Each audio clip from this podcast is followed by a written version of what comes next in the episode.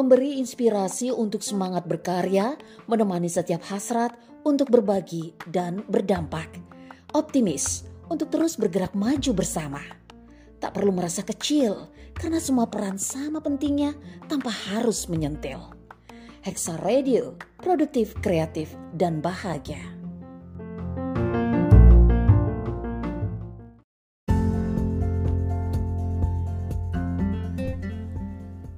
Informasi hari ini menghadirkan berbagai informasi yang berkaitan erat dengan dunia perempuan dan perannya sebagai ibu, mulai dari parenting, pendidikan, kesehatan keluarga, hingga kecantikan. Informasi hari ini bersama Fitria Kurniasi hanya di Hexa Radio.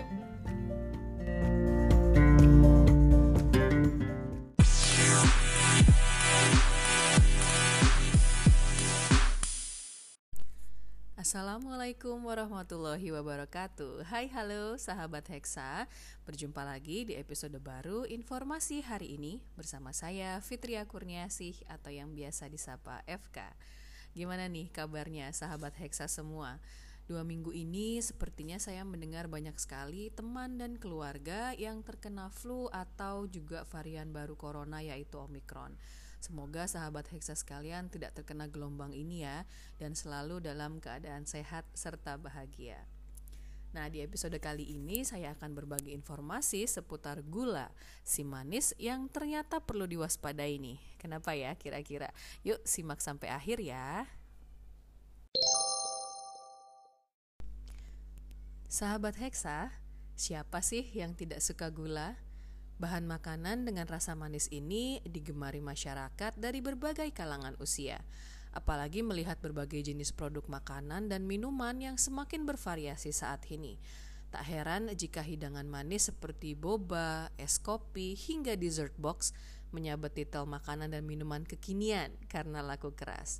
Rasanya cukup sulit untuk memprediksi berapa kandungan gula sebenarnya dalam daftar kandungan gizi sebuah produk karena ada juga produk yang ternyata mengandung lebih dari jumlah gula yang dituliskan. Dikutip dari laman theconversation.com, Steffi Sonia, Ketua Departemen Ilmu Gizi Fakultas Kedokteran FKUI RSCM Jakarta, menyebut rasa manis itu seperti candu. Gula mampu memberikan perasaan bahagia dan mengusir stres.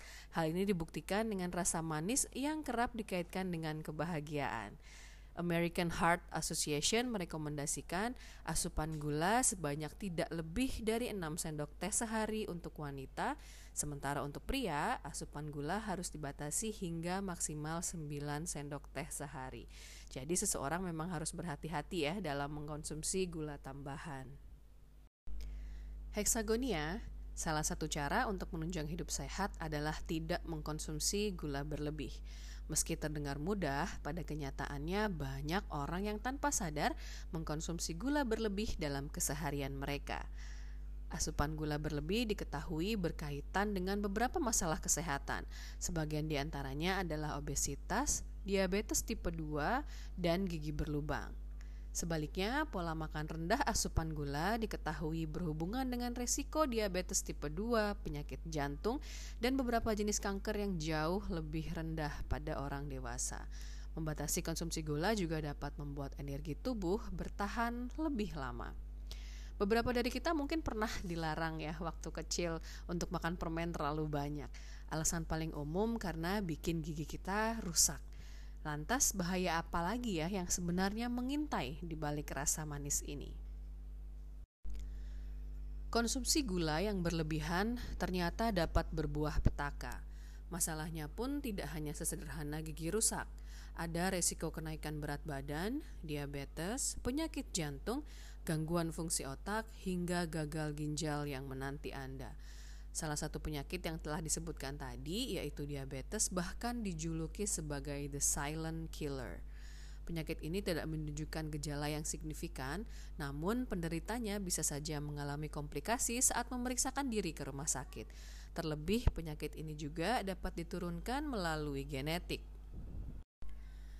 Heksagonia, setidaknya ada enam hal yang bisa kita lakukan untuk mempermudah kontrol asupan gula. Nah, yang pertama yaitu selektif terhadap jenis makanan dan minuman. Membatasi asupan gula dalam keseharian bisa dilakukan dengan memilah produk makanan dan minuman secara cermat. Salah satunya adalah menghindari makanan dan minuman yang memang jelas mengandung gula tinggi. Contohnya adalah permen, makanan pencuci mulut, sereal yang mengandung pemanis, pastry, donat, makanan pencuci mulut berbahan susu e, seperti es krim atau yogurt buku. Wah, ini enak-enak semua ya. Tapi kita tetap harus selektif. Oke, yang kedua yaitu membaca label. Cara terbaik untuk mengetahui apakah sebuah produk memiliki kandungan gula tinggi atau tidak adalah dengan memeriksa labelnya. Coba diperhatikan seberapa besar kandungan gula atau sirup tambahan yang ada di dalamnya. Yang ketiga adalah mengenali nama lain gula. Hal lain yang perlu dilakukan adalah mengenali nama lain dari gula tambahan pada label kemasan produk. Gula tambahan bisa ditulis dengan nama seperti sirup jagung fruktosa tinggi, gula tebu atau sari tebu, maltosa, dextrosa, sirup beras, molase, dan karamel. Nah, jadi bukan e, hanya berbentuk gula, tapi Anda juga harus mengenali nama lain dari gula. Yang keempat adalah mengontrol porsi. Ahli gizi dan Direktur Dietitian UK, Priyatu, mengatakan bahwa makanan atau minuman tinggi gula tidak benar-benar harus dimusuhi sepenuhnya. Makanan dan minuman seperti ini tetap boleh dikonsumsi sesekali. Akan tetapi penting untuk memperhatikan porsi makanan atau minuman manis yang dikonsumsi. Yang kelima adalah jangan terkecoh oleh label sehat. Ada banyak produk yang dipasarkan dengan label sehat karena katanya rendah lemak. Padahal produk-produk seperti ini biasanya memiliki kandungan gula yang tinggi. Mengkonsumsi produk diet yang sebenarnya tidak disukai juga tak akan membantu mengontrol asupan gula dan makan. Hal ini justru hanya akan membuat seseorang tidak merasa puas dan kemudian memilih untuk mengkonsumsi lebih banyak makanan atau minuman. Yang terakhir atau yang keenam adalah carilah alternatif yang lebih sehat. Bila menyukai makanan yang kurang menyehatkan dan tinggi gula, carilah cara lain yang bisa dilakukan. Cara tersebut adalah membuat atau mencari versi yang lebih sehat dari makanan yang Anda sukai. Sebagai contoh, saus pasta yang dijual di pasaran biasanya mengandung banyak gula. Hal ini bisa disiasati dengan membuat saus pasta sendiri menggunakan gula yang lebih terkontrol. Heksagonia dengan mengurangi asupan gula, sebenarnya keuntungan apa saja sih yang bisa kita dapatkan? Ternyata banyak loh, mulai dari permajaan kulit hingga kesehatan organ dalam. Nah, kurang lebih ada hal-hal berikut ini yang terjadi jika Anda rajin mengatur asupan gula setiap hari. Yang pertama, Anda akan terlihat lebih muda. Wah, siapa yang gak kepengen ya?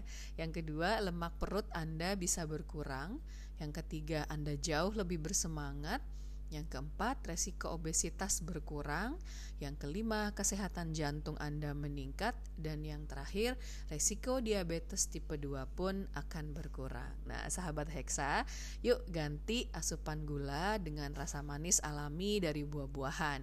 Tidak hanya manis, buah juga mengandung serat dan vitamin yang baik untuk kesehatan. Sebagai variasi, buah dapat dijadikan berbagai olahan seperti jus dan salad.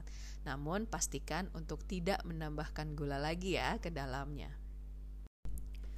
Terakhir dan yang terpenting selalu imbangi dengan olahraga.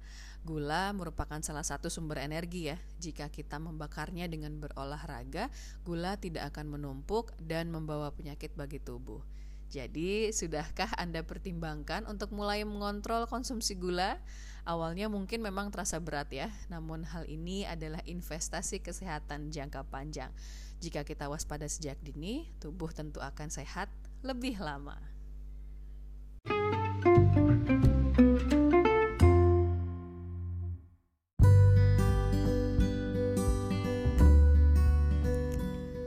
Terima kasih sahabat Hexa sudah mendengarkan episode kali ini.